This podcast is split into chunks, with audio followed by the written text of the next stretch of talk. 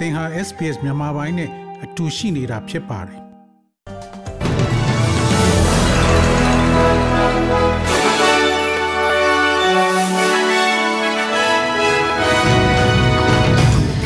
ဒီကနေ့ထိတ်တန့်ရောက်နေတဲ့သတင်းတွေကတော့ Omicron မျိုးကွဲသစ် Coronavirus ပိုးကြောင့်အဆုရှယ်ရှယ်ယာဈေးကွက်နဲ့စီဈေးတွေမှာအပြောင်းလဲတွေဖြစ်နေတဲ့အကြောင်း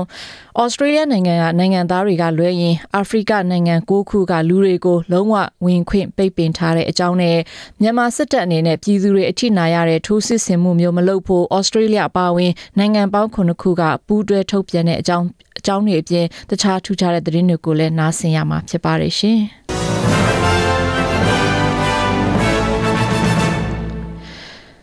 Omicron မျိုးကွဲသည့် coronavirus ကြောင့်နိုင်ငံတကာမှာလေရင်ပြေးဆွဲမှုနဲ့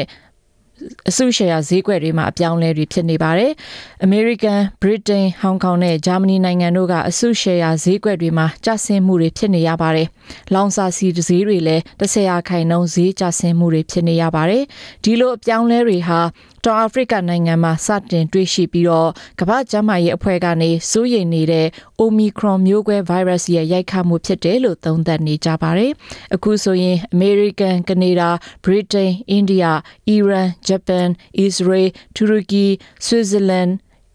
UAE စတဲ့နိုင်ငံတွေကလည်းအာဖရိကနိုင်ငံတချို့ကလူတွေကိုပြည်ဝင်ခွင့်ပိတ်ပင်လိုက်ပြီးဖြစ်ပါတယ်။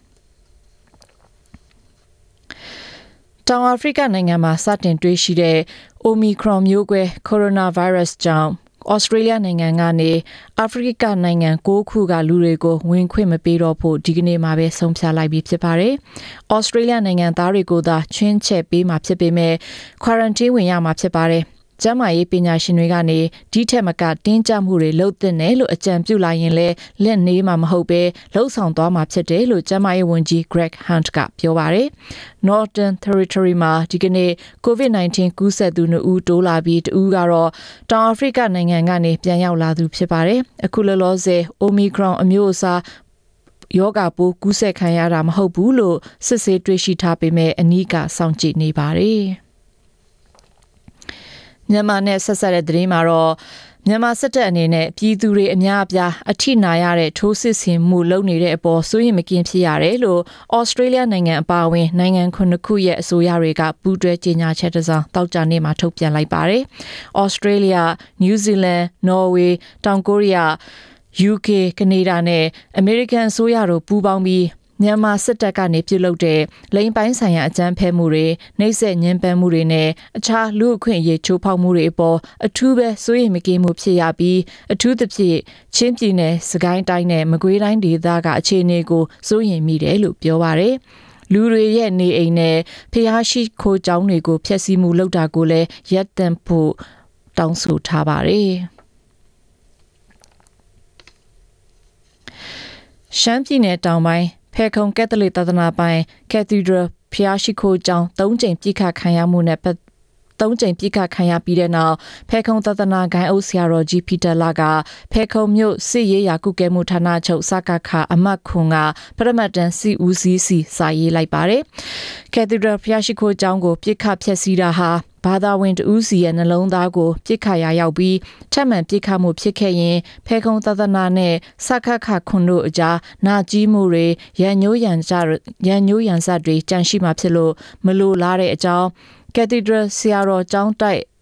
အပြင်အခြားသောဘာသာရေးဆိုင်ရာအဆောက်အအုံကိုပြစ်ခတ်ဖျက်ဆီးမှုမလုပ်ဖို့လဲဆရာတော်ကပန်ကြားထားပါတယ်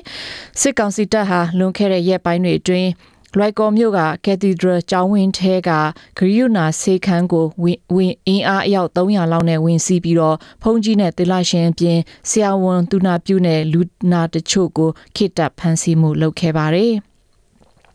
တစ်ဆက်တည်းမှာပဲမန္တလေးကက်သလစ်ဂိုင်းချုပ်ဆရာတော်ကတော့အခုလိုကာလအတွင်းမှာခရစ်စမတ်ပျော်ပွဲရှင်ပွဲနဲ့အလားဆင်မှုတွေ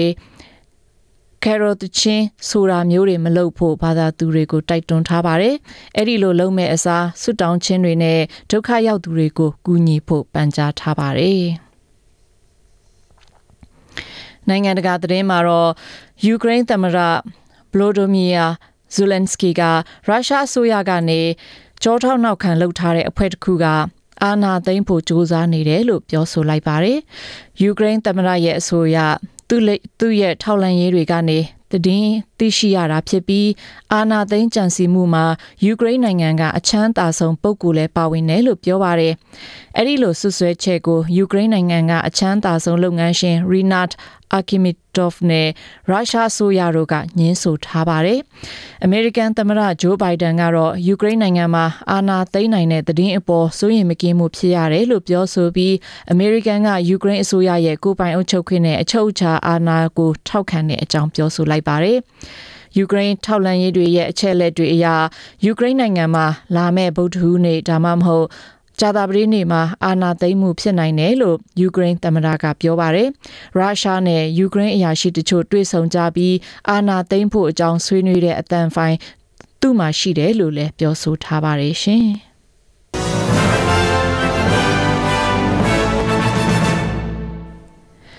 မနက်ဖြန်တနင်္ဂနွေနေ့အတွက်မိုးလေဝသတွေကတော့ Perth မြို့မှာနေသားပြီးအမြင့်ဆုံးပူချိန်30ဒီဂရီရှိမှဖြစ်ပါတယ်။ Adelaide မှာတော့လည်းနေသားပြီးတော့26ဒီဂရီရှိမှဖြစ်ပါတယ်။ Melbourne မြို့မှာလည်းနေသားပြီးအမြင့်ဆုံးပူချိန်22ဒီဂရီရှိချိန်မှာ Hobart မှာလည်းအလားတူနေသားပြီး21ဒီဂရီရှိမှဖြစ်ပါတယ်။ Canberra မြို့မှာတော့အများအားဖြင့်တိမ်ထူပြီး16ဒီဂရီရှိချိန်မှာ Sydney မြို့မှာတော့မိုးတမိုးနမိုးရွာပြီးအမြင့်ဆုံး21ဒီဂရီရှိမှဖြစ်ပါတယ်။ Brisbane မြို့မှာမိုးတမိုးနမိုးရွာပြီး26ဒီဂရီရှိချိန်မှာဒါဝင်မြို့မှာလည်းမိုးရွာလေပြင်းတိုက်နိုင်ပြီးတော့အမြင့်ဆုံးပူချိန်34ဒီဂရီရှိမှဖြစ်ပါတယ်ရှင်။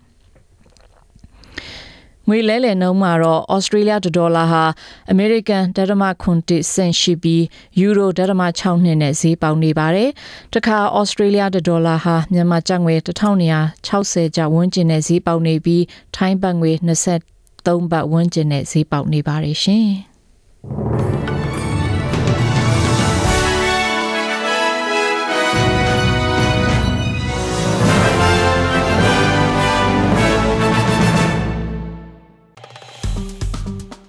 SPS မြန်မာပိုင်းကို Facebook ပေါ်မှာ like ရှာပြီး like မျှဝေမှတ်ချက်ပေးပါ